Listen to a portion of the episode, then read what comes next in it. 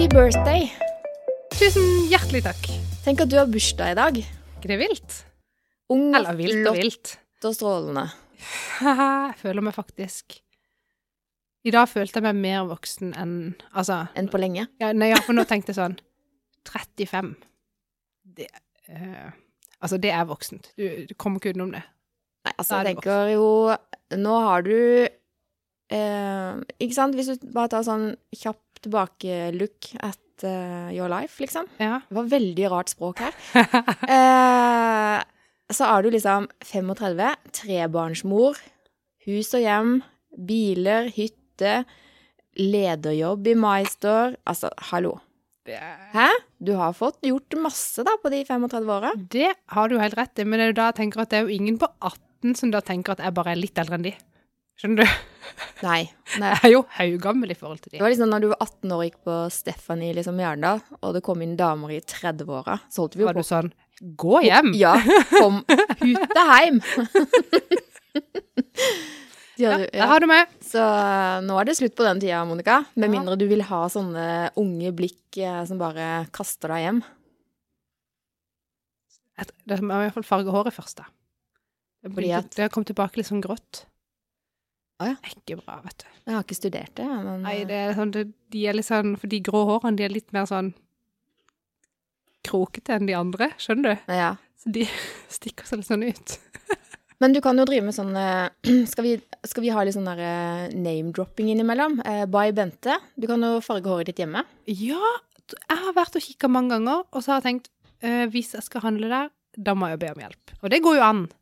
Det hadde jo lagt vel, egentlig veldig opp til, men jeg har ikke kommet så langt da. Nei. Du vet meg, utsetter jo alt. Ikke sant? Men eh, Monica, Ja. i dag er det tiende Det er faktisk 10. mars. Ja. Og forrige episode publiserte vi 11. februar, og den ble Oi. spilt inn dagen før. Så det er akkurat en måned siden nå, siden vi spilte inn forrige episode. Det kan jeg nesten ikke tro. Så lang pause har vi aldri hatt. Ikke engang på, i sommer, når vi har sommerferie. Nei, Så men nå har du bare med å forklare jeg kan forklare. Alt er min skyld. Ja. Eh, Skyld på Monica, problem ja, ja. løst. Null problem. Det altså eh, Når det var vinterferie, så skulle jo jeg Det, det sa jeg sikkert forrige pod, men det har jo alle glemt, sikkert. Eh, at jeg skulle inn på Rikshospitalet og bli lagt inn sammen med min sønn, som skulle operere. En planlagt operasjon. Ingen, eh, ikke noe superalvorlig og ikke noe Ingen dramatikk. Mm. Men det eh, hadde jeg da fått beskjed om at det kom til å ta en uke. Og så hadde jeg liksom misforstått den eh, informasjonen bitte grann. For det var ikke en uke fra vi liksom kom dit. For vi kom jo Vi ble jo innskrevet liksom dagen før det var operasjon, og da skulle det være kontroll og blodprøver og diverse, diverse. Sant? Liksom innskriving, eller journalføring, jeg vet ikke hva det heter. Ja. Eh, og så at det var egentlig meninga da syv, minst syv dager fra operasjonsdagen. Ja. Og så ble jo operasjonen utsatt. Det er jo en historie for seg sjæl. Eh, så den liksom ble litt forskjøvet på. Og så ble det ikke syv dager etter operasjonen, men åtte. Så kunne vi komme hjem. Så da hadde det jo gått eh, Da var vi jo nesten der i to, dager, eller to uker. Ikke sant? Det var to fulle arbeidsuker og en helg. Eh, og når jeg da kom hjem, så skulle jeg jo rett videre på det der eh, fortsettelse på det der førstehjelpskurset. ja. ja. Og så eh, kunne vi ha podda, men da skulle du på sånn eh, gründersamling.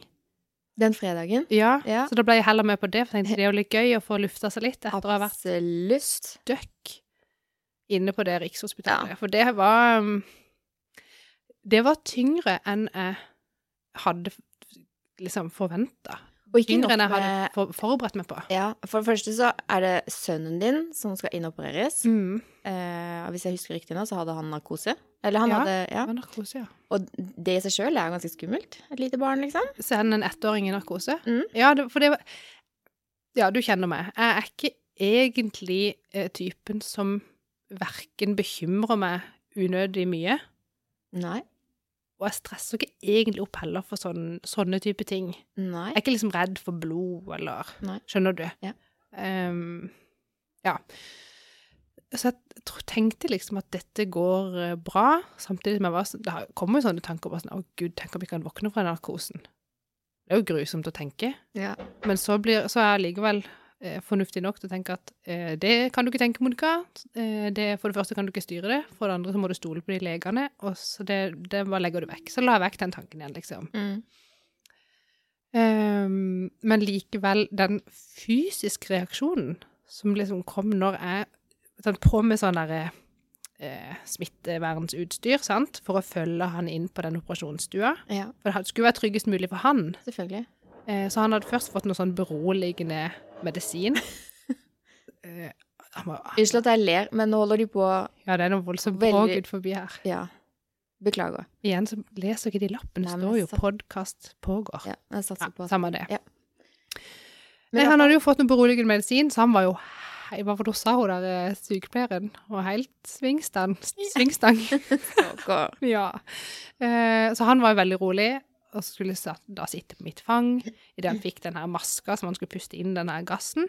Eller var det? Eh, og, da, og da hadde jeg fått vite at når han da sovner, så vil de anestesifolkene innpå der eh, ha fullt fokus på eh, han, så da, da må du ikke liksom føle at du blir skyfla vekk, for dette, det blir du, Ja. på en måte, Ja. eller sånn. Må ikke ta det Eh, personlig, liksom. Nei, det er bare sånn det. Så det hadde de forberedt meg på, så det var på en måte greit. Og jeg var sånn, ok, jeg er der for han, selv om det er ille for meg, så må jeg bare tenke at ok, han, det er som at han sover, liksom. Mm. Mm. Men sant, da blir han, sant, da blir han helt borte sant, for meg i armene mine, og da skal vi legge han rett over på det operasjonsbordet. Og så lagde han litt sånne rare lyder. Det syns jeg var litt dumt at han gjorde. Eh, at han liksom pusta annerledes, på en måte, eller sånn. Og så var det bare ja, nå må du gå. Og da, sånn, det å snu ryggen til Uff. og gå ut av det rommet Mm. Jeg greide ikke å styre meg. Det, de tårene bare kom fra ingen steder. Selv om jeg liksom trodde jeg var veldig fornuftig oppi hodet mitt, så ble jeg sånn Skjønner du? Ja. Veldig rart. Veldig, og da er sånn OK, nå er det fire timer til å se han igjen. Hva, hva gjør jeg nå? Men tenk på alle de følelsene du har holdt inne for å liksom være sterk for han og for alle de. Ja, ikke sant? De må jo De får utløp på et eller annet tidspunkt i en eller annen form, så Så selv om jeg trodde at jeg var supersterk og beinhard, ja. så kom det Nei da. Det kom. Det, ja, det er godt. Det er Ja. bare menneskelig, da. Ja. Eh, og midt oppi dette hele, da, så klarte du da å få korona også. ja da. Så det ble jo det er liksom all inclusive. Og det er sånn Ja, jeg fikk korona inne på Rikshospitalet. Eh, og det var jo sånn Det er ganske spesielt å bli smitta av korona inne på Riksen. Eller Ja. det er kanskje ikke det. Men det skal jo liksom være det tryggeste stedet, liksom. Ja, det burde jo det, men Ja, og jeg følte alle Alle gikk jo med munnbind, og vi sprita hendene i hytt og pine og vaska hendene og holdt på. Ja. Eh, men vi var fem rom som var liksom i isolasjon samtidig. Mm. Så det er jo en sannsynlighet for at en av oss da har smitta alle de andre. Jeg vet ikke. Kan godt være det var meg. Hvem vet. Um, nei, så det var veldig sånn da Den derre veldig sånn følelsesmessig berg-og-dal-bane mellom å liksom synes litt synd på seg sjøl for å liksom være stuck inn på det der rommet, Mm. og fordi jeg syntes det var skummelt at mitt barn, mitt lille barn, skulle i narkose, og syntes liksom at det var sånn For meg er jo ikke det dagligdags opplegg. For de som jobber der, så skjer jo det her hele tida. Ja, De syns ja. sikkert ikke det var noe special i det hele tatt. Nei. Eh, så den der sånn, De følelsene da som sitter i når det er sånn, Mm. samtidig som du er litt sånn OK, jeg er supertakknemlig for at jeg i det hele tatt bor i Norge. Eh, Ja. At vi har det tilbudet her, at det går an å få hjelp med dette. Det koster ikke ei krone. Vi har superdyktige kirurger, osv., osv. Eh, og veldig takknemlig for at mitt barn var langt ifra det sykeste barnet som var på den avdelinga. Det var mange foreldre der som hadde barn som sleit med mye verre ting, og som hadde vært her i månedsvis. Uff, ja, stakkar. Skjønner du? Så Ja. sånn, OK, jeg skal være glad at ikke det er meg, liksom. Eh, Jeg er jo glad også at jeg ikke bor i Ukraina. Det er veldig mange sånne ting som gjør at Monica, du har ikke lov å være lei deg. Du har ikke lov å synes synd på deg sjøl fordi du har det egentlig dritbra. Men allikevel så syns jeg det var utrolig stusslig å sitte på det rommet. Og jeg syns veldig synd på de sykepleierne. Og jeg følte det var en veldig sånn belastning for de. For uansett hva det var, om jeg bare skulle liksom ha en liten yoghurt, Sånn, så måtte jeg ringe på den knappen. De måtte komme til meg på med smittevernutstyr og inn. 'Hei, hva lurte du på?' Jeg bare kan jeg få en kopp kaffe?' Skjønner du, for jeg kunne ikke gå noe sted. Jeg kunne ikke hente noe sjøl. De måtte jo gjøre alt for meg. De kunne ikke bare liksom dytte inn en haug. Så jeg følte meg så utrolig Jeg følte Til som en belastning. Ja, til bry. Ja. Der jeg satt. Uff a meg. Ja, det er jo ikke hyggelig. Men jeg tipper at eh, de så nok ikke på det sånn. Nei, og det sa de òg. Det må du ikke tenke. Du har ikke noe valg. Vi er her for å hjelpe deg. Og alle var jo superskjønne og flinke og snille og bare med et stort smil hele tida. Ja, fantastisk. Og det, så det var liksom Det er ikke Jeg følte meg ikke til bry fordi de behandla meg som om jeg var det, men jeg tenkte bare Ja. Dette er jo stress. Ja. Fem rom hadde de som plinga på på det viset der. Skjønner du? Uff, ja. Uh, ja, nei, så det var to uker med mye følelser. Ja, så du ble jo da altså, for de som ikke fikk det med seg, bli sittende i isolasjon på ditt eget uh, rom der inne, Ja. med guttungen da. Ja. Um, men jeg vet at du i hvert fall fikk lest ferdig en bok. Jeg fikk lest ferdig tre bøker. Å, men i alle dager! Fordi da følte jeg meg faktisk ganske lur. Eh, fordi jeg har jo tre barn, som du sa. Mhm. Og de to største syns jo da selvfølgelig det var veldig trist at mora og lillebroren skulle være vekk så lenge. Ja. Og det var vinterferie, og det var alt veldig sånn Det var liksom ikke noe stas da. Nei. Eh, men så driver jeg og leser bøker for de. Ja. Så da tenkte jeg jeg tar med meg de bøkene som jeg leser for de, og så kan jeg lese de for de på FaceTime. ja, det er helt fantastisk. For det en gjorde vi hver kveld. genial idé. Var ikke det lurt? Eh, Jeg fikk helt sånn der, Når du fortalte meg det på telefonen, så fikk jeg helt sånn derre «Åh, Herre min, for en var god mor! Ja. veldig tilfeldig at jeg kom på det, men Men det du kom på faktisk- det? Ja, men det var faktisk veldig fint. Ja. Og da fikk jeg liksom både Jeg følte jeg fikk litt tid med de, selv om jeg var vekk. Mm. Så da ble vi ferdig med både den ene og den andre og den tredje boka. Så Fantastisk. det var ikke verst. Det var ikke det. Nei. Men det syns jeg var en god idé, altså. Ja. Lese bok for barna eh, FaceTime. Ja, kult. Ja, så det funka veldig bra. Um, så nå er jeg ferdig med den derre Unicorn? Unicorn Project, som jeg har lest nå i over et år, tror jeg. ja. Det er jo ikke greit, egentlig. Men den var engelsk, og den var, det var mye tech. Ehm, så det kjente jeg på egentlig var litt sånn tungt. At egentlig min eneste motivasjon for å gjøre den ferdig, var jo fordi jeg vet at den har vi lest på jobb, og den er liksom relevant for jobben. Mm. Men det var litt langdrygt innimellom med type sånn beskrivelser av hvordan de nedla en eller annen server for å erstatte det med noe annet. Og skjønner du, det var litt sånn derre For det første skjønner jeg det ikke, og for det andre bryr jeg meg ikke. Skjønner du? Ok, litt sånn waste, ja, at vi brukte litt mye tid på Ja. å beskrive sånn teknisk. Men Men nå har jo jeg den boka, jeg innimellom er jo også. sykt bra. Vil du anbefale meg å lese den, eller er det sånn nå at du sier at eh, den trenger du ikke, Ege? Uh, nei, jeg egentlig anbefale deg å lese den fordi i forhold til digitalisering uh, og digital distrupsjon Disrupsjon, hva heter det for noe? Disrupsjon? Du skjønner hva jeg mener? Ja, ja. forstyrrelseselement. Ja. Ja. Um, Disruptive eh, innovation? ja. Ja. Um, og de får Det er en som jeg tror han Om han er rådgiver til styret i det selskapet, eller Han iallfall har en eller annen sånn nøkkelrolle her. eh, en som heter Erik. Som type kommer med sånne eh, så liksom guidelines, eller sånn derre Jo, men sånn, her er det forska på dette, og disse fem punktene her, det er viktig for videreutvikling og innovasjon og sånn og sånn og sånn. Og alt det som han sier, det har ikke nødvendigvis noe med tech å gjøre. Nei. Det handler om generelt hvordan drive et selskap videre på en fornuftig måte. Ok, så det er litt forretningsutvikling og Det er absolutt Ja. mye forretningsutvikling og um, sant, det der med å samarbeide på tvers av grupper, at ikke det skal være sånn silotenkning. mm. Så det, er det er veldig mye bra. Uh, det er bare for meg som syns det er litt tungt å lese engelsk, så ble det litt mange sider med ting som jeg kunne hoppe over hvis jeg visste at nå kan du bare bla fem sider fram, så kan du gå videre. Ikke sant?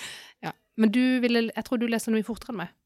Nei, den er jo på engelsk, da. Ja, nei, det. Hvis det er veldig crazy Nå har Jeg vet ikke om du følte det var en fordel at du liksom jobber innenfor IT, og kanskje at mange sånne engelske ord og uttrykk ligger litt sånn i pannebrasken på deg, eller satt du litt med Google innimellom? Eller var det litt Det var ikke sånn som å lese fagartikler på UiA? Nei, det var, det var lettere enn det. Ja. Eh, så, så sånn sett er det enkelt språk. Og så er det så I begynnelsen så satt jeg mye med Google og var sånn OK, hva, eh, hva betyr det og det og det, og Um, og, så er det også sånn at både foran og bak i boka så er det ei liste over hvem uh, Altså hvem er de forskjellige personene, hvilken rolle har de?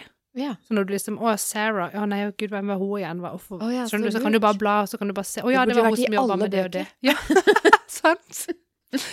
eh, og det samme var med de der fem punktene da, som han der Erik kom med. Ja. De sto oppsummert på en side bakerst i boka. ja. Gull. Ehm, så du kunne liksom hente det litt inn sånn.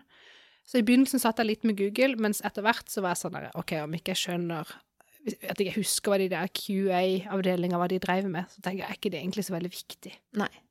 Så leste jeg bare forbi, skjønner du. I see. Ja. Nei, men, Men, eh, eh, den står fortsatt god på, bok. til lese, leselista mi, så vi får se. Ja. Mm. Eh, Men ja, men det var litt tungt. Men jeg er jo flink til å utsette ting òg. Og jeg hadde jo bare tre kapitler igjen, som jeg liksom har venta med å lese. Men er ikke det deilig? Bare få unna ting? Veldig godt å bare ferdig med den. Ja. Eh, også ferdig med Kabalmysteriet. Den som jeg vil at skal bli filmatisert, vet du. ja, Var det den du leste for dattera di? Ja. På FaceTime? ja. Mm. Eh, og så har jeg jo prøvd å finne ut hvordan får man noen til å lage en film av en bok. Mm. Og så var det noen som sa det er bare å sende til Netflix, de kjøper jo opp eh, sånne ideer og Eller det vil si, de kjøper ikke opp ideer, de kjøper opp manus. Så nå må jeg finne noen som kan skrive et manus, og så selge det til Netflix. Kan du ikke skrive det manuset sjøl, eller holder det? Nei, tror du det? Film med manuskript, liksom. Ja, kom igjen, da. Ta utfordringen. Tror ikke det? Bare ringe til han der Jostein Gaarder og si har du tenkt på det? Ja, det er ikke sikkert han vil at den skal filmatiseres. Kanskje han allerede har solgt uh, filmen. Du må Kanskje. sjekke det ut først. Før du legger inn altfor mye energi i å skrive det manuset nå, Ja, du må sjekke det opp. Og sjekk det først. Det er sant. Jeg bare skjønner ikke hvis han først skulle lage film av ei av bøkene sine. Hvorfor i alle dager valgte de Sofies verden? Det skjønner ikke jeg. Ja, kanskje Nei, jeg vet- ikke, Monica. Har, dette har jeg ikke peiling på. I et, I et speil i en gåte er også filmatisert, er ikke det? Jeg vet ikke, jeg. Ser dere filmene Nei. til Jostein Gaarder? Nei, faktisk ikke. Jeg, ikke. jeg tror ikke jeg har lest noen av bøkene heller. Shame on me. Men det skal sies, da, Ja. at den uh, kabalmysteriet Ja. Uh, Det må jo ha vært uh, Jeg husker søren ikke når det var. Men det er noen uker siden, da. Så var det en trafikkulykke mellom her arbeidsplass Ja, og stemmer. Eh, og jeg og min datter ble sittende Det var mandag etter vinterferien, for da hadde jeg med meg henne på skolen. På jobb, mener jeg.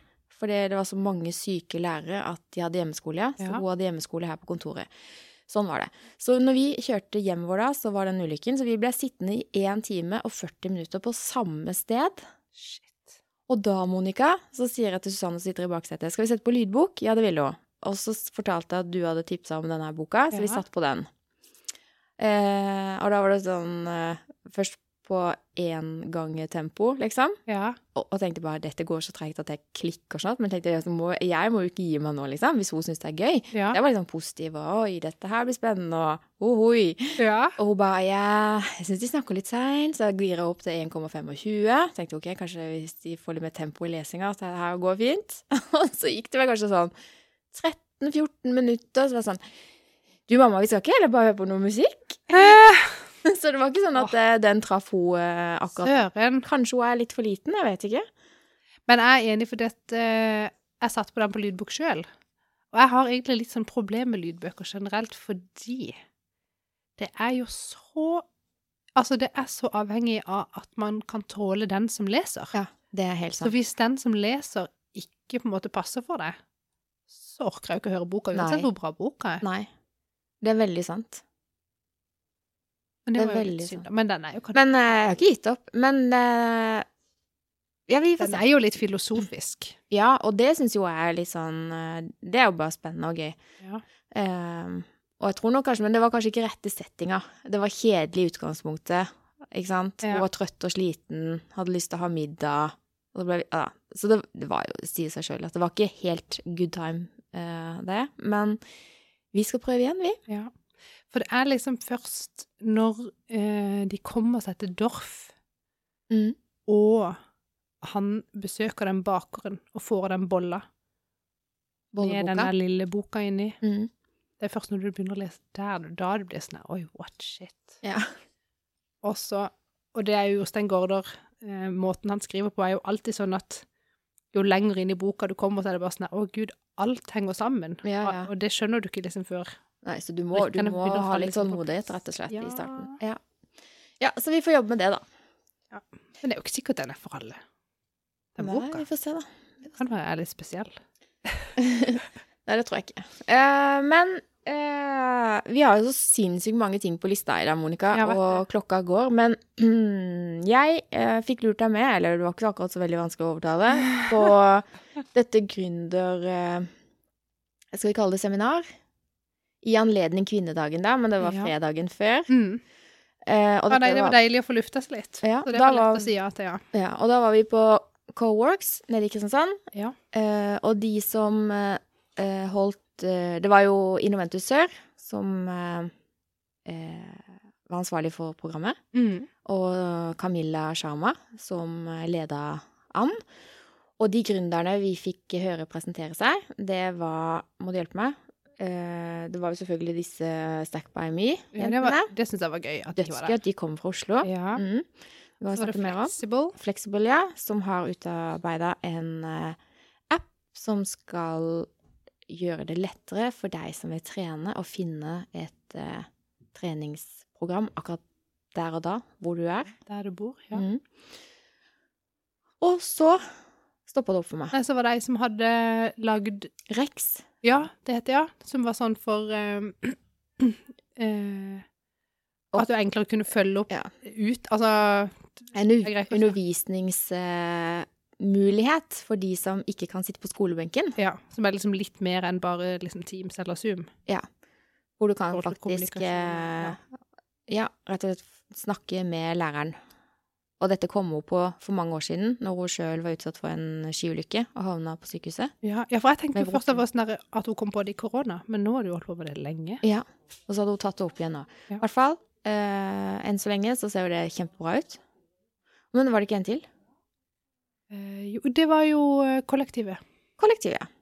Som er et, eh, et litt sånn Kan man kalle det for kunst Et samling Altså, det er jo mange som lager Det er jo håndverk. Jeg tror det er hoved, håndverk og second hand og Ja. litt forskjellig. Ja, i hvert fall der de har gått sammen Altså istedenfor at hver og en eh, gründer skal måtte ha sitt eget butikklokale, så har de gått sammen og hatt liksom, så har de da et butikkollektiv der du kan leie, Leie. en hylle eller et hjørne eller Ja.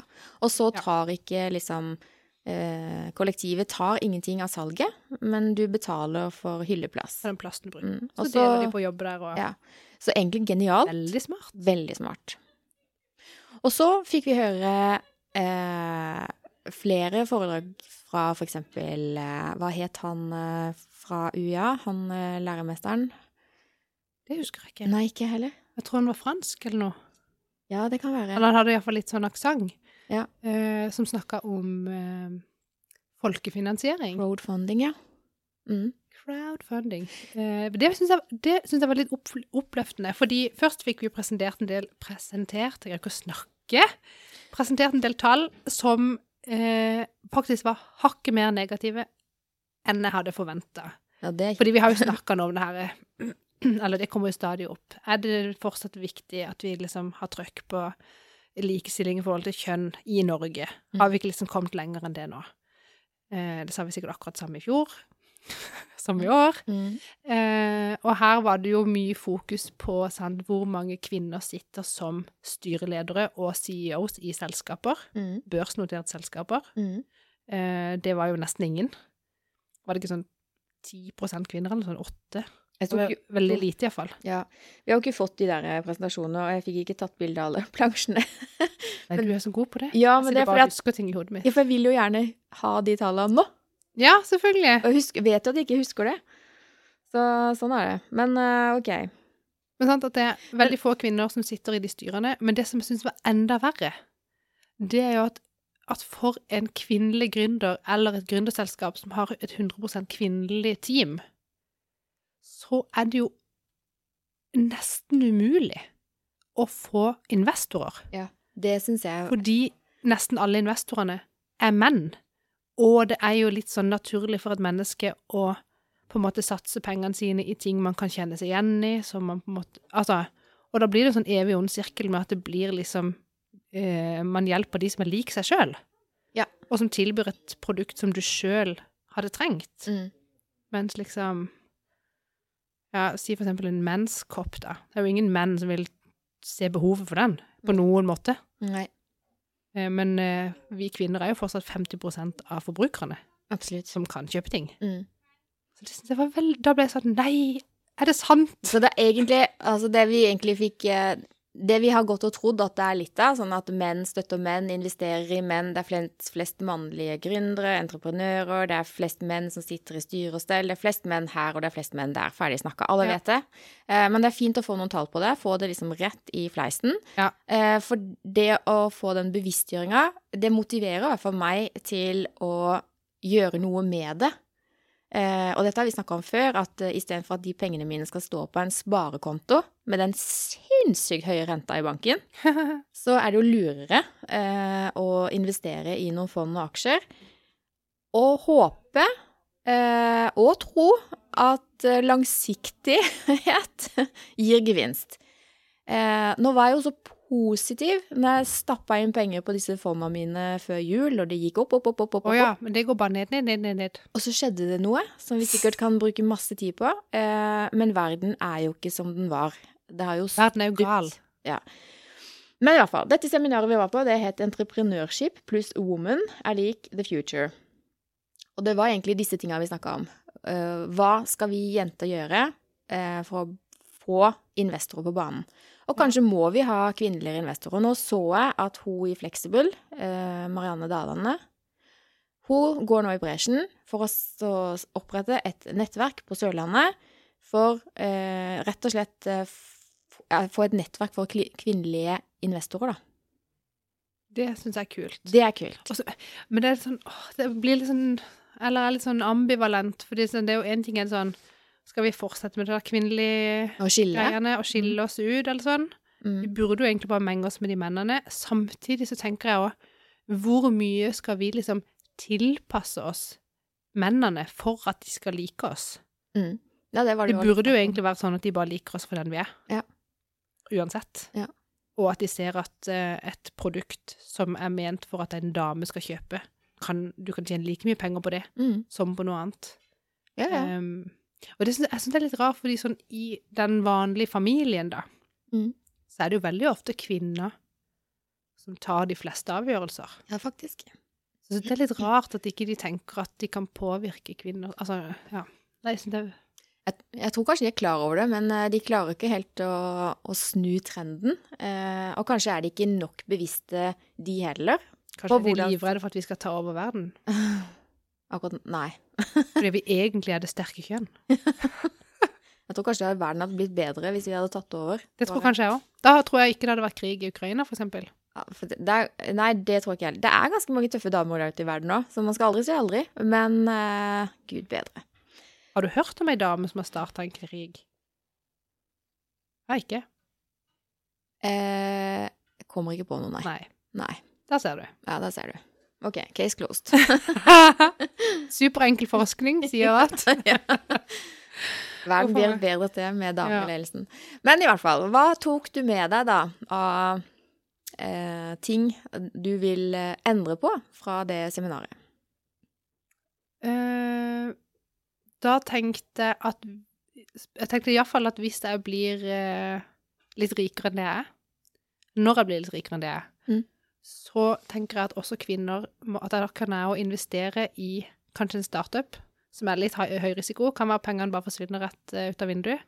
Men at For det sa de jo at eh, veldig mange kvinnelige investorer de investerer på en måte i færre ting fordi de har et større behov for å følge opp pengene sine. De vil på en måte ikke bare gi penger til et selskap, men de vil også sitte i styret, være med på veksten, være med på utvikling av selskapet, og det er jo på en måte vel og bra at man er litt engasjert i det man setter penger i, Ja. men det gjør jo at du har jo ikke tid til å følge opp 30 selskap. Du har kanskje tid til å følge opp tre, og da begrenser jo det hvor mye kvinner får investert da. For de har ikke tid til mer. Nei.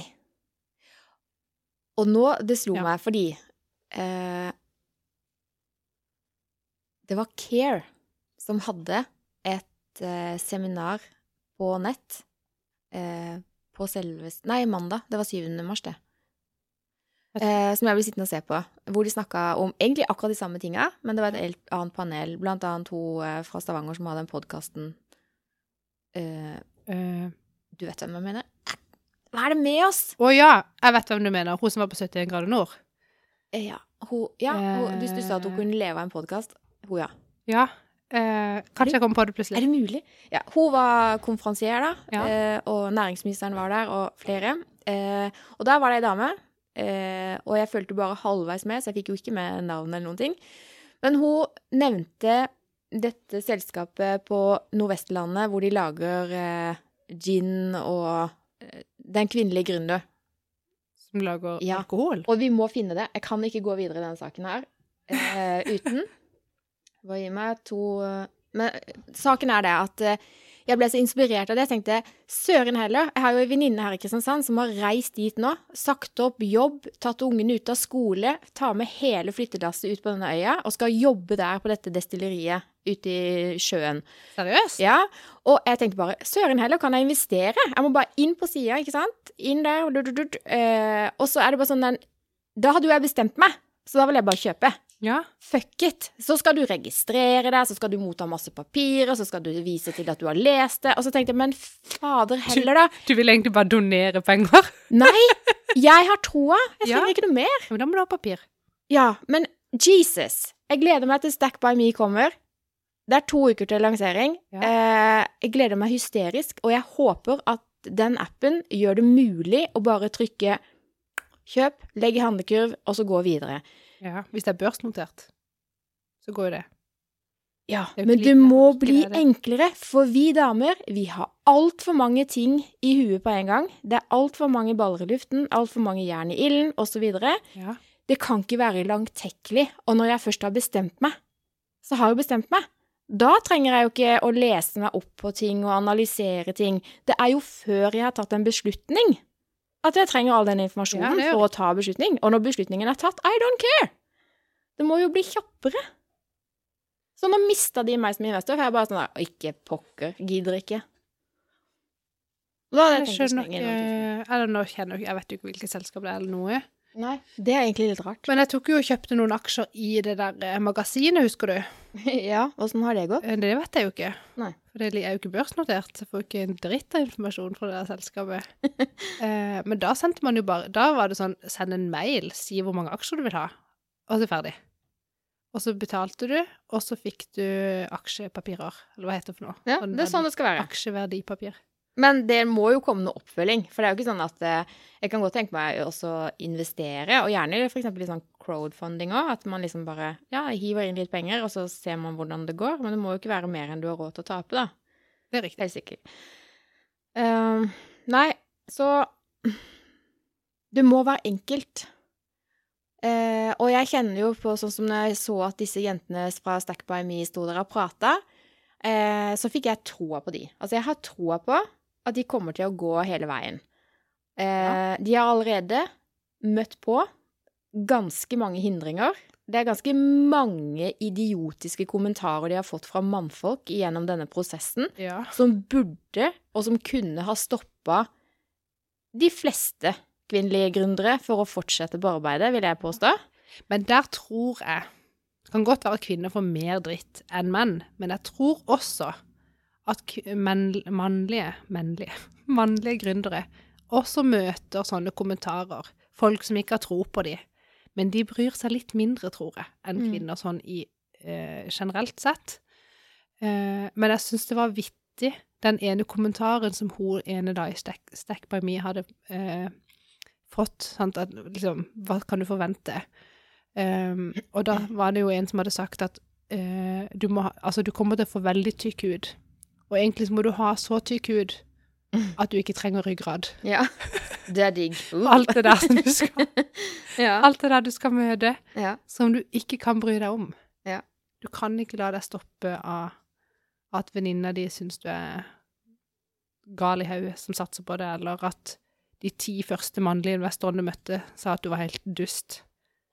Du må fortsatt bare tro på det du tror på, Ja. og gønne på. Tenker Ja, jeg. At vi kan det. ikke Vi kan ikke liksom gi opp etter at vi fikk ti nei, og så si at nei, men fordi jeg er kvinne, så får jeg det ikke til. Det holder ikke. Det gjør ikke det. Vi må fortsette. Mm. Jeg blir nødt til å finne det, Monica. Så bare beklager, bare prat. Ja, det er det jeg- Jeg gir meg ikke. For det verste er at eh, du vet jo hvem det er. Eh, Ikke som starta det, men eh, skal vi se Men som skal flytte? Eller har flytta, eller? Ja, nå fant jeg det. Skal vi se. Jeg er veldig spent. Mm. Det et kvinnelig destilleri? Yes, der var det. Er det Rosa gin? Eh, hvis jeg sier navnet vi har, Du rakk jo så vidt ikke å møte henne kanskje når vi satt i Komfug, men hun heter Ragnhild Kvanheim Hagen. Også en sånn seriegründer. Drev forskjellige butikker og jobba seg opp og fram. Nå har hun reist til eh, åh, Kom igjen, da. Har du hørt om selskapet Feddy? Nei? Feddy Destination. En nettsted eh, Skal vi se. Det er altså da Hvorfor kan jeg ikke bare få opp den sida? Du må huske å snakke inn i mikrofonen. Inn i mikrofonen. uh, hun her Ja? Uh, ring, Ringer det noen bjeller? Nei? Nei. Uh, lokalsamfunnet Fedje, de har da Der er det kvinnelige gründere. Som da lager whisky og forskjellige andre godsaker. What? Dødskult! Og nå står det altså over 100 kvinner på venteliste for å investere i selskapet. Og det er det jeg sier. Hva er det som gjør Altså, det, jeg bare kom inn på den sida, så de damene, og jeg skjønner jo hvorfor Ragnhild bare pakka sammen alt hun eier og har, tar med seg familie, kjøper en valp og reiser ut på denne øya for å hjelpe de her. En valp? Ja, hun ville ha en valp også. Det er jo genialt! Og det er klart at det alt, alle Men hvor er dette Fedje? det er eh, Skal vi se Ja. Jeg er ikke lokalkjent. Jeg bare ser Nei. for meg, hvis jeg lukker øynene så Hvis du liksom tenker deg kysten utenfor Molde, Ålesund, Averøy Uti der. Oh, ja. Et eller annet sted. Ja. Tror jeg. Tror jeg. Kult. Ja. Eh, men Hvis det er er sånn sunnmøringer, de får jo til Får penger ut av det meste. Vet ikke hvem de damene er. Jeg har ikke lest eh, Men jeg, jeg trenger ikke å vite så mye om de, for det, det lille jeg har lest nå, om bare å sett bilder av de og alt sånt der, det er nok til at jeg tenker at hadde jeg hatt 100 000, så hadde jeg kasta de etter de. Jeg har så troa. Så det må være lettvint. Ja, det må være lettvint. Og så går det sånn øh, Jeg husker ikke hva det heller heter, men av og til så svipper jeg innom, meg og Rolf, og så kikker vi på et program på TV hvor det er fire investorer som griller gründere for å finne ut om de skal investere i de eller ei. Og vi snakker store summer her. Å ja. Er det American? Eh, Eller er det norsk, Jeg tror liksom? det er England, faktisk. Oh, ja. Jeg tror Ja. det er engelsk. Ehm, og da, det som slår meg, er det, De sier jo det samme. At det er den derre troen på menneskene. Eh, fordi at hvis, hvis de har troen på menneskene, så kan mennesker få til akkurat det de vil. Sant? Men hvis du har et menneske som har et fantastisk produkt, men mennesket sjøl omtrent ikke har troen på seg sjøl eller produktet, da Ja. det kommer jo ingen vei. Så det er jo menneskene bak hele veien. Der er du inne på noe essensielt. eh, For det som jeg har sett en million ganger, det er jo gründere med en kjempegod idé, men så blir de fanga opp i noe sånn der eh, system der de skal kanskje søke noe patent, og så skal de søke penger fra Innovasjon Norge, og så må de skrive noe forprosjekt, og så må de rapportere noe greier, og så blir de så eh, Så blir de så fanga i prosessen Ja. at de glemmer å tenke at eh, hvordan skal jeg selge dette produktet? Og så blir det jo aldri gjennomført Nei. på noen god måte. Ja. Uh, så det tenker jeg at du må ha mennesker som eh, på en måte har et pågangsmot, og som har en framdrift og en gjennomføringsevne, uavhengig av hvilket støtteapparat de har rundt seg. Mm. At de må levere varene uansett. Og vi må ikke glemme at produktet skal også selges. Det nytter ikke med en god idé hvis ingen kjøper den Nei. for penger. Nei. Eh, og Nei. der tror jeg også kanskje at kvinner er Har ikke mer sånn til å stole på et sånt støttesystem enn menn. Skjønner du hva jeg mener? Ja, Det har jeg ikke noe eh, Det vet jeg Nei, jeg har Ikke, men noen tall som beviser det, men være. Men det er akkurat som du sier, at det er ekstremt overveldende. Sånn som eh, ta et eksempel fra eget liv, da. Eh, vi vurderer av og til å søke Innovasjon Norge for det som heter for um, innovasjons... Uh, ja, det heter vel egentlig bare det. Innovasjonssøknad. Eh, da må du sammen med en pilotkunde mm. eh, jobbe eh, i så og så mange timer, det skal være så og så mye penger investert. Altså det er ganske sånn pakke med greier. Mm. Og en ganske heftig søknad. Eh, og oppfølging. Ja. Ja. Og det er litt sånn derre OK. Dersom vi gjør det, så er det mye penger å hente i enden av det prosjektet. Men et sånn type prosjekt eh, ville jo tatt all vår tid. Vi kunne jo ikke Vi kan egentlig ikke, hvis vi gjør det, eh, drive den daglige driften sånn som vi gjør i dag, og opprettholde utviklingen av eksisterende produkter i samme grad som vi gjør nå. Nei, så vi må liksom legge alt til side og bare gjøre det vi virkelig absolutt må for å kunne kjøre et sånt et prosjekt. Og det tar jo livet av gründerbedrifter, så Ja. det går jo ikke. Så den beste løsninga for oss er faktisk bare å banke på døra til banken. Og du, du Det er faktisk lettere det. Eh, når man først har et firma som går Ja. med, og som har omsetning, og det er litt penger igjen på bunnlinja, så er det lettere å gå til banken enn å jobbe med disse svære prosjektene. Riktig. Og- Men det er ikke alle gründerbedrifter som ser det du ser nå, det du sier. Nei, kanskje ikke. Eh, og så er det jo ikke alle som har så god tone med banken, da.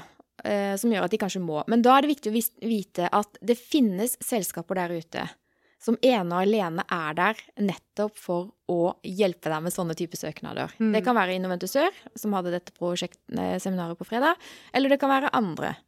Eh, så jeg vil jo anbefale enhver gründer som sitter med sånne type behov, da, for å få penger inn. Eh, selvfølgelig så er det lurt med crowdfunding. Altså det er mange måter å få penger inn på. Mm. Men eh, bruk nå de ressursene som er der ute. Eh, og for å få liksom call på hva som finnes av ressurser, så google i vei. Sjekk med andre gründere. Eh, koble deg på et nettverk med gründere, whatever. Det er så mye muligheter der ute. Absolutt. Men det slo meg at eh, dette med Chromefunding, Var det ikke bare 20% cirka av søkere som fikk godkjent eh, prosjektene der? Men av de altså var det nesten 90% som fikk innfridd ønsket Ja. om kapital. Så nåløyet er jo Altså, du skal ha eh, Og der igjen, det holder ikke bare å ha en god idé. Du må ha godt eh, sant, markedsmateriell. Og du må liksom Det må jo være kommersielt, sånn at det er salgbart. Absolutt. Eh, så du må gjennom et nåløye der, sånn at den plattformen som du ønsker å bruke for å få inn pengene, Mm. eh, skal jo på en måte tenke at yes, dette her er et prosjekt som vi har tro på. Ja. Og hvis du da først kommer der, så var det jo veldig mange som fikk de pengene de trengte for å realisere ideen sin, eller hva enn det er.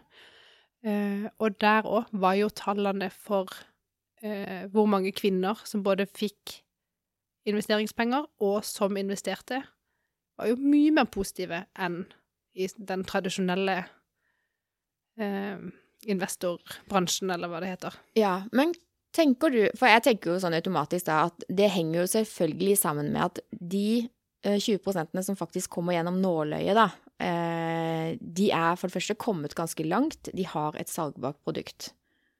Eh, så det er liksom enklere å dytte penger inn i det. Det er ikke sikkert de har produktet, men de har iallfall skapt en veldig god idé om hva det skal være. Ja. Men såpass clou har de at de vet eh, I hvert fall de jeg har sett som eh, samler inn penger til crowdfunding nå, av, av gründere som jeg kjenner, da, så har de jo et ferdig produkt. De trenger egentlig bare å få inn kapital, så de kan begynne å produsere. Ja. Um, men bare, jeg tenker at det henger jo sammen med at det er nok vanskelig å få en mannlig investor i et kvinnelig gründerselskap hvis de ikke har kommet lenger. Kanskje kvinner må komme lenger i den prosessen før menn investerer. Jeg vet ikke. Hva tenker du om det? Eh, Det kan veldig godt være. At det kreves liksom litt, litt mer. Altså vi må bevise litt mer Ja. før de får troa på oss. Ja, men det tror jeg. At du, ja, du må bevise litt sterkere. Det er akkurat som Jeg husker ikke om vi har snakka om det før, og egentlig er det litt sånn skummelt å si. Eh, men for eksempel at eh, et overvektig menneske Mm. Må også på en måte jobbe litt hardere og prestere litt bedre for å få samme tillit som et tynnere menneske. Det er jo bevist. Ja, det, Og det er liksom Vi har noen sånne fordommer som bare sitter i, da. ja. Eh, og det er jo egentlig utrolig dustete. Men det tror jeg er en, det er en stor jobb å få snudd det. ja. Hva du peker på? Jeg pekte på den, for at plutselig så, så jeg ikke noen grønne flagg, og Oi, det er ikke bra. Men jeg tror det det funker. Vi satser på at det holder. Ja. Vet ikke. Hvis ikke må vi begynne helt på nytt. Det er jo veldig kjedelig. Men nå snakka vi vel Det var mye sånn eh, kvinne 8. mars-prat her nå. Ja, og jeg føler men- jeg snakker så fort, for jeg blir sånn Vi må gjennom så mye. Men Vi podder. jeg har så troa på at vi må få flere eh, Jeg tror på at det er flere kvinner der ute som bør være gründere. Ja. Uh, så de må bare hive seg rundt. Riktig. Uh, og så har jeg troa på at de med penger, uansett kjønn, kommer til å investere hvis produkt og person er god match og gir god kjemi, liksom. Riktig. Ja. Det er håp. Jeg tenker også at det er håp. Skal vi snakke om eh, Jeg sa ordet flagg, og da kom jeg på et punkt du hadde her. Du syns eh, det var Altså, du har lagt merke til at de har ukrainske flagg overalt. Ja Eh, Og så hva, eh, hva, skal, hva skal jeg si jeg, Nå har jeg faktisk lest litt nyheter og tenker jeg må prøve å få med meg hva som skjer. Og prøve å stå, jeg prøver å forstå hvorfor det skjer. Ja. At det er krig i Ukraina. Mm -hmm. det sliter jeg med å forstå. Ja. Som alle andre i verden. Ja, jeg kan ikke, jeg kan ikke forstå at noe sånn som helst maktspill, eller om du syns det var urettferdig at den ene, det ene fylket i landet de tilhørte det ene landet eller det andre Jeg kan ikke forstå at det er verdt å tape menneskeliv for det. Men det er jo ikke det. Nei, men Det er jo tydeligvis det siden de gjør det. Ja, ja. Mm, ja. Eh, det syns jeg er helt sinnssykt. Mm. Og så skjønner jeg jo at eh, alle Jeg må ikke sparke i mikrofonen. Eh? Og alle er jo, alle hjermetegn, er jo på Ukrainas side i denne krigen. Mm. Og liksom heier på de og ønsker at det skal bra, gå bra for de og sånn. Mm. Og da er det jo sånne ukrainske flagg overalt. Ja. Folk har det på profilbildet sitt. Jeg har det. Og bedrifter bruker blått og gult, liksom hva enn de skal Hva Ja. enn de gjør. Ja. Uansett nesten hva det er. Mm.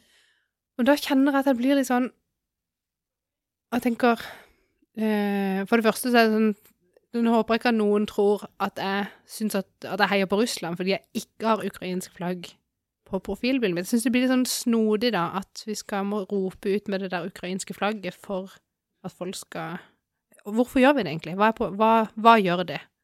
Gir det håp til noen, eller Nei, det Hva- Altså gjør for, får folk god Hvorfor- samvittighet ved å putte på det flagget og tenke 'Å, nå har jeg gjort noe bra for Ukraina'? Du har jo ikke det. Nei. Det jeg gjør det for, det er fordi å vise min støtte til Ukraina. Min støtte ligger helt klart der. Eh, Ja, men Og så er det forskjellig hvorfor? eh, Fordi at eh, hvis jeg har i en eller annen side av kretsen min av venner og familie Ja. som er ukrainere, eh, så er det hyggelig at de får vite at eh, de har noen støttespillere. Var det noen som skulle tro at du heide på Putin? Det tror jeg. Gud vet. Det tviler jeg sterkt på. Så da kjenner jeg at det blir litt sånn Men det blir litt sånn eh, Ja. Vi gjør sånne rare ting. Vi setter på flagg. Når det er andre ting, så har vi andre Facebook er jo superflink til å lage sånne forskjellige rammer på disse profilbildene i alle mulige settinger. Eh, og alle på LinkedIn endrer navn til Arne. ja. Eh, det har ikke jeg gjort. Eh, for det, det gir meg ingenting. Skjønner du? Altså, det er jo en sånn kampanje som Ja. går, altså, ikke Jo, men bare sånn som med det flagget, da, så blir jeg så redd for at det skal eh, skygge over for den hjelpa som faktisk hjelper. Å ja. Nei. Skjønner du at det er så mange flagg som tenker 'Å, nå har jeg støtta med flagg'. Å ja, nei. Jeg vet jo med 100% sikkerhet at det flagget på mitt profilbilde hjelper Ingen. Du vet det, men du er jo relativt oppegående. Ja, men jeg tar for gitt at de fleste som legger til og bruker tid på å legge til det flagget, de, de er det. Det tror jeg ikke. Men det jeg har, ja. eh, som har vært mye i media nå Nå vet jeg ikke rest, hva det endte med til slutt, da. Men russiske idrettsutøvere, de har jo blitt utstengt Ja. av veldig mange idrettsarrangement, ja. uten å gå i dybden på alt det. Men så var det for eksempel eh, fotballcupen i Oslo. Ja, for jeg skulle, jeg skulle til å si at eh, på Norway Cup så skulle Russland fortsatt få lov å delta. Ja. Og det gir mening. For det, det gjør så vondt å se russiske idrettsutøvere som overhodet ikke heier på Putin. Det er ikke de sin krig, sant? Og så har de trent og trent og trent og trent, og så blir de utestengt fordi en leder i landet som de ikke engang sympatiserer med, har kjørt i gang en krig. Så taper de liksom all sin innsats. Men de kunne jo ha prøvd å avsette han for lenge siden. Ja, tror Han har jo vært gal lenge før ikke dette. det er så veldig enkelt. Og så tror jeg at eh, alle dis, alt det rundt han Nei, men De de sa ikke det når de i OL skulle få lov til å få én leilighet i Moskva per gullmedalje de henta inn. Da syntes de det var helt konge. Men nå vet jeg, ikke, jeg vet ikke hva du snakker om. Men i hvert fall. Det vil Russland, liksom Staten Russland ville at Russland skulle gjøre det bra i OL, Ja, ja. så da betalte de eh, alle de russiske utøverne ekstra for eh, medaljer i OL. Og da syns de sikkert det er helt tipp topp å ha en ledelse som er litt sånn Som kjøper folk og Skjønner du? Ja, ja. Selvfølgelig. Hadde du trent til OL, og så viste du at du får en medalje, så får du ti millioner Altså, det hadde jo vært en, en god ekstra liten gulrot. Selvfølgelig, men det er det jeg mener at alt kan jo tydeligvis kjøpes for penger. Ikke alt. M mange ting. Men tilbake igjen til Norway Cup. Ja, det var Det skulle bare mangle at barn fra Russland skal få lov til å delta. Det er min helt klare mening. Det er aldri barna sin skyld. Det er ikke de som nei. kniver. Det er riktig. Og jeg er redd for at eh, det å ha sånne ukrainske flagg på profilbilder og sånn, vil øke liksom mobbinga av de russiske barna i Norge. For det har det allerede vært ganske mye av, eh, og det er supertrist. Det er riktig. Så det fører med seg negative ting òg. Ja. Jeg tenker Det er jo ikke noe enkelt svar på noe av dette, selvfølgelig. Nei. Overhodet ikke. I dag hørte jeg på hun justisministeren eh, Mehl, er det ikke det hun heter? Ja. Eh, hun talte til presidenten i Stortinget eh, i dag på vei til jobb. Ja. så jeg måtte bare høre på det. Og verden er Altså, det er jo Det er jo så krise. Eh, og nå, etter at jeg begynte å se på eh, Kompani Lauritzen, ja så sliter jeg altså så intenst med å ta justisministeren alvorlig. Skjønner du? Er det sant? Når jeg hører den stemmen hennes, så tenker jeg på det derre tafatte trynet på Kompani Lauritzen. Så tenkte jeg, hva fader skjedde her? Syns du hun er tafatt? I Kompani Lauritzen. Jeg bare sånn, ja, men Jeg bare klik, Akkurat som fenriken, så klikker jeg på den dama. Eh, og så er hun liksom justisminister. Og så tenkte jeg på det Husk at ikke hun var justisminister da. Men hvorfor Nei. Og det har jeg også lurt på, og det er en god ting. Eller sånn, det gir mening. Samtidig så, hvis hun var det, hvis det lå i kortet at hun skulle bli det, Ja. så ser jeg for meg at Kompani Lauritz skal være sånn der Ja, hun begynte liksom, og det gikk ikke så bra i starten, men så går hun seirende ut av dette her, skjønner du? Jeg bare ser for meg hvordan hun, utviklingen hennes i, i Kompani Lauritzen bare tar helt fullstendig av, og nå er hun justisminister, skjønner du? da, da, da, da. Skjønner du? ja. Jeg, jeg tror det er en mening med å ha henne med der. Da. De liksom Hun har jo forutsetning for å gjøre det bra der. Og så, eh, før jeg så henne i Kompani Lauritzen, Ja. så var det bare sånn Respekt! Ung, flott dame, kler seg som en av de her amerikanske presidentfruene. Eh, snakker så korrekt. Glemmer ingen ord og navn, sånn som meg og deg gjør. Eh, og drar det med ned i Ja, det er Greit, greit for meg. Eh, så jeg har liksom Jeg har hatt en enorm eh, respekt for henne. Og så dalte det skikkelig når hun begynte i Lauritzen her nå. Men nå ser jeg bare for meg at det skal bare ta helt av igjen. Det kan godt være. Eh, Jeg, eh, jeg er jo glad for å kunne se at eh, også justisministre er helt vanlige folk. Ja, det er sant. syns eh, altså, Egentlig liker jeg det. Jeg tenker kult. Hun er jo helt vanlig norsk jente. Så hun, og hun er justisminister, skjønner du. Ja, ja, og det, Og hun det kan òg jo- få latterkrampe når fenriken står der og er dust rett foran trynet sitt. Jeg syns ikke han er dust, jeg. Jeg syns han er Ja, det kuleste jeg vet. Ja, men bare jeg ser han, så ler jeg jo, og det skjønner jeg at hun òg gjør. Nei, jeg, jeg, Han eier jo humor. ja, men han eh, Han er jo sarkastisk, og det ligger noe helt eh, klart eh, mening bak der òg. Absolutt. Men at han klarer å holde seg alvorlig sjøl, det fatter jeg ikke. Og han har trent mye på det, ja. Å, det, han er så gøy. Han er veldig gøy. Ja, Men nå har jeg bare sett eh, første episode, da, så ja var da har du litt å ta igjen. igjen. eh, Fordi når jeg satt på sykehuset, så så eh, Da så jeg på den her eh, Hva heter han? Woman in the house across the street from the girl in the window, eller noe sånt. Ja, I den duren. ja stemmer. Eh, og jeg hadde jo ikke satt meg inn i hva dette her egentlig var. Mm. Jeg hadde bare sett traileren, og så, det må jeg se. Mm. Og så så jeg for meg at det var noe mishandling av hun jenta, så jeg, så jeg venta med å se det, for jeg syntes det høres så så skummelt ut. Mm. Eller trist ut. Eh, og så begynner jeg å se på det, og så blir jeg sånn Gud, jeg må jo få vite hva, det, hva er dette her egentlig? Så blir det jo bare galere og galere. Og i siste episode, Hegge Du må bare spørre Audun. Jeg satt og kjefta på TV-en. Og jeg syntes det var så dårlig. Og jeg var sånn Det er helt fullstendig urealistisk. Og nå skal jeg prøve å ikke eh, spoile noe. Men det var sånn, det der er helt urealistisk. Hvis det kommer et menneske inn i det nabohuset der nå, når hun driver og slåss der på slutten, Ja. Jeg, må, eh, jeg har jo sett det, og jeg bare klarer ikke helt å huske og da sånn, alt det som har skjedd før det, Ja. hvor hun, woman in the house, har eh, egentlig fått skylda for alt, og hun får beskjed om at hun er gal, det er hun som ser syner, det er hun som eh, blander piller og alkohol, Mm. Mens plutselig der på slutten, så tror de på hun, og ikke på hun lille jenta. Mm. Det er urealistisk. Okay. Og, ble, og så dro de det der her bare lenger, og tenkte hun- hun må jo fortsatt ligge og drømme ute i gata der, og at dette ikke skjer. Og så, etter at jeg der sto i 20 minutter og kjefta på TV-en, for jeg syntes det var så dårlig, eller ble så sinna for hvordan utviklinga var, så kommer det sånn One year later. Hæ? Drømmer hun fortsatt? Nei, det kan hun ikke gjøre. Så, sånn, så etterpå måtte jeg jo sjekke hva er dette her. Så er det jo bare en parodi. Så jeg ble litt sånn skuffa. Men det er jo meg som har gjort dårlig research. Ja. Um, jeg visste kanskje litt mer om hva jeg gikk til når jeg starta den. Ja, du visste det var en parodi? Ja, eller sånn Jeg hadde jo lest litt, da. Og så er du livredd for spoiler, da. Så du Ja. må jo renske litt av materialet du leser. Men tenkte jeg den virka såpass spennende at jeg, jeg må bare se den. Og jeg syns serien var kul, jeg. jeg Ja, men den var jo det, men bare ikke siste episode. Ok. Alt det andre var jo dritbra. Ja. Men det var noen sånne snurrige eh, Ja, nei, det var ikke alt jeg trodde var som det var.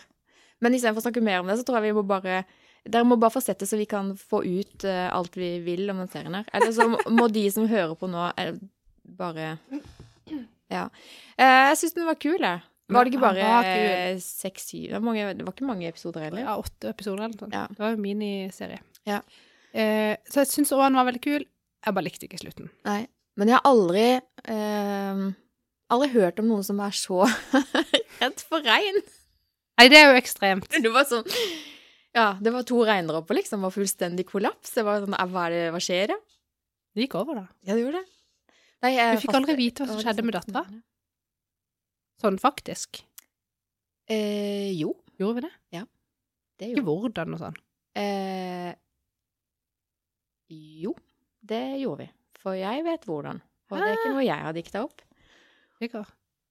Men du husker at han, hun ble med faren sin på jobb den dagen? Ja, ja, at hun og, satt med han Massacre Mike Ja. alene ja. med låst dør. tenker jeg, hvilket Altså, og så sier de jo etterpå hva som skjedde med henne. Inni det rommet med låst dør. Kan jeg ikke ha fulgt med, da. Jeg skjønner at, at hun omkom, Hun ble jo Ja. Nei, men jeg vet ikke si- hva, hva Nei, vi kan ikke si det hvis det er noe Du må si det med etterpå. Si det etterpå. Jeg orker ikke å se det igjen, iallfall. Nei. Eh, men det jeg skal se, Ja. det er den nye sesongen av Outlander ja. som har kommet. Og der, etter eh, 80 meldinger fra deg i går, så fant jeg ut det er bare kommet én Det er bare kommet én episode. Ja, så nå må jeg være lur. Jeg må spare Men den varte jo over en time. Ja, jeg må spare opp, sånn at jeg kan se flere på rad. For jeg vet at når jeg har sett én, så blir jeg altså så Jeg blir så umenneskelig å ha med å gjøre. Fordi jeg vil ha mer. Så jeg må være sånn. Tror du kommer på mandager. Ja, OK. Jeg, må spare opp noen, da. Og enn så lenge Ja. så skal jeg se og det, jeg vet ikke om det er helt overkommelig, egentlig, for det er så mange episoder. Men uh, Downtown Abbey det burde jeg sikkert sett for mange år siden. Jeg tror det er en gammel serie. Men det begynte Ja, den er gammel, den har jeg ikke sett. Nei, det begynte jeg å se nå. Og det, det er sånn Å, gud, det er bare så digg. Bare sitte og se, følge med. Trenger ikke så mye energi eller kapasitet eller kapabiliteter. Jeg trenger egentlig ikke noe annet enn et glass vin og bare Det liker jeg. Ja, love it. Mm. Nå skal jeg begynne med så store glass vin som hun i Woman in the House. Det var fullt. Det var så gøy! Det var til randen. Hun fyller da opp glasset så fullt at hun må legge mobiltelefonen over så ikke det skal skvulpe, og så tar hun med seg en ekstra flaske! Det tenkte jeg bare. Å, gud Ja, det var humor. Ja. ja, det var faktisk det. Det var mye humor i det. Ja, det var det. Parodi skal jo være litt det. Men ja. Ja. Så, eh, ja. Nei, men se han. Gjør det. Så må du se Tinder Swindler. Ja, han imponerer meg. Ja, Hvordan gjør han jo egentlig det? Ja, han gjør jo det. At han får åssen Altså. Det er jo idiot at folk misbruker folk på, den måten der. Ja. Eh, Og nå har ikke jeg sett Jeg har ikke sett eh, Jeg har ikke sett dokumentaren, men jeg har sett intervju med hun norske Ja. som eh, ble lurt av han. Ja, ja. Hun som ble svindla. Ja. Eller en av de som ble svindla. Ja. Mm. ja, for han har, jo han har jo vært svindler i årevis. Ja, og jeg tenkte kanskje med denne dokumentaren at han var tatt nå, men du sier at han fortsatt holder på? ja, ja. Ja, så Ja, for det er fortsatt folk som da Akkurat sånn som de som Altså gale folk som sitter i fengsel, som får sånn fanbrev, ja. og som kan sitte og, ha, og være sånn brevkjæreste med diverse folk. ja. De liksom Noen blir kanskje sånn at de får sånn at de skal hjelpe dem, men det er òg veldig mange som bare sier sånn Nei, stakkars deg, du har jo blitt Ja, men, Du har sikkert blitt Altså, de framstiller deg som noe du ikke er. ja. og så skjer de det noe sånn psykologisk oppi hodet på disse menneskene og tenker at ja, men jeg skal helbrede Ja. deg. Han gjør ikke det med meg nå, for nå er han jo en annen Ja. enn før. Men altså, det er jo det som er med psykopater. Han kan her, han vil jeg påstå kan kalles en liten psykopat. Det er min vurdering, etter mye forskning. At eh, eh, Ikke sant? Han er den derre sjarmøren, mm. og så blir han en tyrann. Eh, og det er sinnssykt lett å falle for denne sjarmøren. Eh, ja. Så jeg har full forståelse for at disse jentene gjør det. Og så, men jeg skjønner ikke at hvis noen ser dette her, kan finne på å gjøre det. Nei, nå vet du ikke om de som har lyst til å være kjæreste med han nå. Det er jo ikke sikkert de har sett Nei, det var akkurat det. Og det var jo det som var grunnen. For hun ene norske her, hun, det var jo nettopp det at hun fant jo ut at han hadde jo noen saker på seg i et annet land. Mm. Eh, og når hun begynte å snoke i det, så skjønte hun jo tegninga. Så det jo- men eh, jeg vet ikke hvor mange land denne filmen sender i, men går den ikke på Netflix? Jo, jo. Ja, så det er vel all over the world. Absolutt. Ja, ja. Nei, det er helt vilt. Men da, apropos eh, folk som ikke er de du tror du er, de nei, det var rart. Folk som er noen som du, du tror de er noen andre. Ok, ja. Eh, har du sett Inventing Anna på Netflix? Du, eh, hver gang jeg slår på den, eh, eller sånn kommer inn der, så kommer den opp som sånn første Ja. forslag til deg. Jeg tror den er sånn noe av det mest sette på Netflix i Norge nå. Ja, så den er på lista, jeg skal se den. Ja. Eh, eh, men jeg skal se den sammen med min sønn. Ja. Eh, tror jeg. Ja, jeg tror ikke Og vi har snakka litt om det, og han sa at uh, han kunne godt tenkt seg å se noen, da. For det var egentlig dem vi hadde tenkt å se når vi endte opp å se Tinder Tinder Swindler. Ja. uh, Men du som da leser deg opp på ting, Ja. uh, har du lest deg opp på den? Eh. Er den basert på true story? Den Anna? Ja. Ja, Ja, den er det. ja, i hvert fall det jeg har lest. Eh, men faktasjekka det, det har jeg ikke helt eh, kommet i Nei, for de sier jo hele tida sånn ehm, Basert på en s- alt, alt her er sant, bortsett fra det som eh, vi bare har funnet opp. Ja, Altså, skjønner du? men det er altså, ja, det er typisk eh, film på TV Norge based on a true story, men jeg tror litt mer action. Ja, jeg tror, eh, ja, ganske sikker på at den er based, altså basert på en sann historie, men så har de selvfølgelig, Ja, de har jo dikta opp ting. òg. ja, det. skal jo tross alt være en film som fenger for verden. Ja. Men hun er jo en veldig interessant eh, person. Mm. Ja, for det handler om, hvis jeg har skjønt det riktig nå, så er det en jente som bare bestemmer seg for å egentlig bare bli en gold digger. Ja, hun har jo på en måte satt seg et mål i sitt hode, eh, og hun kommer til USA eh, som da en tysk arving, men som bare pengene sine er Hun får det ikke før hun er 25, eller et eller annet, hun får det ikke før hun er så og så gammel, for faren er streng og bladi-bladi og eh, Og hvor langt hun kan komme uten å faktisk liksom, tilby en eneste krone. Mm. Eh, og så er det jo da sånn hvem er hun egentlig? Er hun rik, eller er hun ikke rik? Er hun, er hun bare en svindler, eller er hun egentlig dritsmart? Eller, skjønner du? Eller Ja. sånn, ja. Mm. Nei, veldig interessant. Den også synes jeg var, det er litt sånn, tar tatt litt sånn lang tid, men allikevel, måtte jo se alt, selvfølgelig. Ja, nei, jeg, jeg må se den. Uh, og jeg gleder meg litt. Og gruer meg litt. For jeg går og tenker at nå har jeg liksom sånn forventninger til den, og så er jeg litt redd for å bli skuffa. Hvis ikke du ble skuffet over hun der Woman in the House, eh, da blir du ikke skuffet over dette. Nei, for eh, jeg, det, skjedde, det var så kaotisk og eh, sånn derre Jeg sitter jo egentlig bare sånn eh, Er det, mulig? Altså sånn, Jeg sitter jo bare der, liksom. Jeg blir ikke så irritert at jeg kjefter på TV-en. Men Nei, altså, jeg, kanskje jeg overdrev litt. Jeg kjefta ikke i 20 minutter, det var kanskje bare sånn fire-fem kommentarer bare. Men jeg var irritert, ja. Ja, vittig. Men eh, ja, alt i alt, det er mye gøy å se på. Det er det jo. Men en ting. Ja. Hvorfor var det sånn at hver gang hun besøkte grava til dattera, så sto det en ny tekst på gravsteinen? Så du det? Eh, det kan jeg ikke huske å ha lagt I merke hvert fall tre-fire ganger så sto det en ny tekst på den gravstøtta. Ok, Og sånn, why? Det fikk jeg aldri svar på heller. Nei, det har jeg ikke merket engang, jeg. Hvis jeg Jeg kan ikke huske at det var noe jeg Nå må jeg se den en gang til, da. Ja, det Ja, nei. Jeg prøvde å google, og Men det kan like gjerne bare være en elendig eh, filmmaker som har oversett, skjønner du? Altså, det er jo så mye eh, Jeg bruker å henge meg opp i sånne detaljer. At eh, hvorfor er det en bil ute på den åkeren, eller altså sånn, skjønner du? Ja. Ja. Eh, Nei, men når det er fire ganger, så kommer det en ny tekst. eh, Nei, det la jeg ikke Jeg la ikke merke til det. Um, nei, men jeg bruker Men å henge meg opp i sånne detaljer, så Ja. det er veldig klart. Eller så har jeg sett det og tenkt et eller annet, og så har jeg bare lagt det i en eller annen skuff. Jeg vet ikke. Jeg må se en gang til, da. Men sånne når du, når du har typisk spilt en scene flere ganger, Mm. eh, og så klipper du, og så sitter de liksom Når de sier den ene setninga, så har de fullt glass, og så sier den andre noe, og så snur de kameraet tilbake igjen til den som sier det, og så plutselig så er det tomt glass. Altså, det gir jo ikke noe mening at de den full- ja. Det irriterer meg. Ja. At ikke de kan tenke på det når de klipper, at de skal ha like mye vann i det glasset, like mye mat på den tallerkenen, eller håret må ikke stå i strikk, og så plutselig så er det løst, skjønner du? ja, det er sant. Det er sånne ting som irriterer meg grenseløst. Men jeg har ikke lagt merke til eh, teksten på gravsteinen, som jeg kommer på nå, i hvert fall. Ha. Så det er ikke sikkert. Det kan godt bare være en idiotisk feil. I don't know. Nå må jeg se en gang til. Eller hvis du som hører på, vet, send oss melding, så vi får roa ned Monica. Det hadde vært bra. Yes. Nå har vi snakka dritlenge. Har den lista di begynt å nærme seg tom mye Ja, nei, men ja, nesten.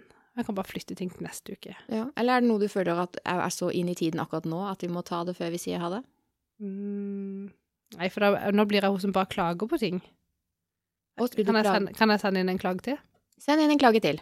Eh, fordi når jeg skal se på nyhetene, Ja. og så spesielt på type sånn TV 2, så er det, så er det veldig ofte at du kan ikke lese deg til svaret. Du må se en video. Det ja, jeg, for det ja. første syns jeg det er litt irriterende. Det Mm. er ikke alltid det passer seg at jeg skal se en video med lyd på og sånn. Okay, Ja. Vil jeg bare lese, men uh, det går an, du må se video. Og så trykker du på play, sant? Mm. Og så da når du er sånn derre eh, Familie Måtte bøte med livet i flukten, bla, bla, bla. Obs, obs. Eh, Er dette når grus. du trykker liksom på nyheter på TV 2? Ja. Ja, ok, jeg skjønner. Da Ja. begynner, så ser du Ja, så er det nyhetstekster, nyhetstekster, så er det ofte ja, så kommer det en overskrift som du blir sånn Å, det, var, det må jeg ha svar på. Ja. For det er du jo god på sånn clickbait. Det er ikke alltid clickbait heller, men du skjønner, de Ja, ja. vil jo at jeg skal klikke inn. Og se den saken. Ja. Eh, og så liksom opp, så er det sånn veldig sånn obs på eh, grusomme bilder og være oppmerksom og sånn. Og så forbereder jeg meg der på å se noe grusomt, sant? For det her er en kjempealvorlig situasjon. Mm. Og så klikker jeg på play. Så skal jeg først se to sånn gladvideoer med noe reklame for noe Brunost? epler og pærer og brunost. Det gir ingen er mening. Ja, Så malplassert. Ja. jeg vet. tenker jeg, er det alltid lurt å kjøre reklamefilm bare fordi mange ser den videoen? Kunne de kanskje droppa det på sånn type innhold? Eller hatt noe som var litt mer passende, ja. Ja, men det er uansett, jeg er ikke mottagelig for reklame når jeg skal til å se en familie bli drept. Eh, Jeg er nei. ikke det, altså. Nei, jeg, jeg, nei, jeg er 100% enig. Jeg, jeg syns av og til at uh, uh, Da tenker jeg bare mm, at jeg er leter etter et ord nå, merkelig nok. Jeg var alltid det merket. Men uh, du vet når vi Bare sånn Grunnen til at du kanskje blir litt sånn irritert, da, det kan jeg forstå, fordi at for eksempel innenfor coaching eh, Ser du ser på klokka, man bare ta det kjapt. Eh, så skal man øve på ting, eksempel. Man har øvelse skal man øve på. Og eh, imellom øvelsene så er det viktig at du snapper ut av det, tenker på noe helt annet. Så vi avbryter ganske kjapt og spør liksom hva skal du ha til middag, eller skal du ut og sykle, eller hadde du kjole på i går, eller bare sånn for Ja. å få det helt ut, helt ut av situasjonen og tankemønsteret. Og det er litt det som skjer eh, når du sitter og ser en film, og så kommer det reklamepause. Så blir det sånn fuck it, altså. For det, det er så spennende, og så blir Ja. du tatt fullstendig ut av det. Og det er så ødeleggende, da, syns jeg. Mm. Eh, jeg opplever det veldig ødeleggende. Så derfor, så nå som vi har Apple TV og andre muligheter for å liksom se ting etter at det blir sendt, sånn at du kan spole over reklame, Ja, så er det digg for huet, eh, rett og slett. Ja. Da kan man spole over de der eh, fullstendig stoppa, eh, som ikke gir mening. Eh, så jeg har full forståelse for det.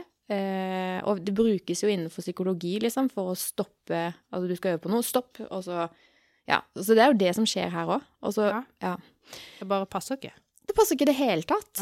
Eh, og det er superirriterende. Så der tenker jeg at TV 2 kan tjene pengene sine på en annen måte. Mm. Eh, jeg er jo litt opptatt av nyheter, jeg også. Eh, Ja. Men Jeg er jo ikke. Jeg har valgt bort den nyhetssendinga. Eh, jeg går ikke inn Altså, jeg går inn på TV 2, Ja. men jeg trykker ikke på nyheter. Jeg ser nyhetene på førstesida, og så leser jeg overskrifter og leser det jeg vil se. Eh, da slipper du ganske mye av den reklamen, og da kan du lese deg til ting. Ja, for det liker jeg best. Ja, og så får jeg, når jeg ser på TV, når jeg ser på TV, da velger jeg veldig ofte TV 2-nyheter. Og da går det veldig ofte i loop, alle de tinga. Men da får du de filmene som ligger der uh, i feeden, Ja. uh, uten reklame. Så det er tips. Ja, men det burde Les- an å bare velge en video, og så se den. Ja, men da må du, da må du bare lukke øynene og ørene til reklamen er over. Ja, men det som skjer, er at da gidder jeg ikke å bruke TV 2. NRK. Ja, da ser jeg ikke nyheter. Kan det være det samme? Men du vet at ikke det er reklame på NRK? Ja, det vet jeg. Det er sant. Skal vi komme med én positiv ting før vi Positiv? Nei da. sier helg?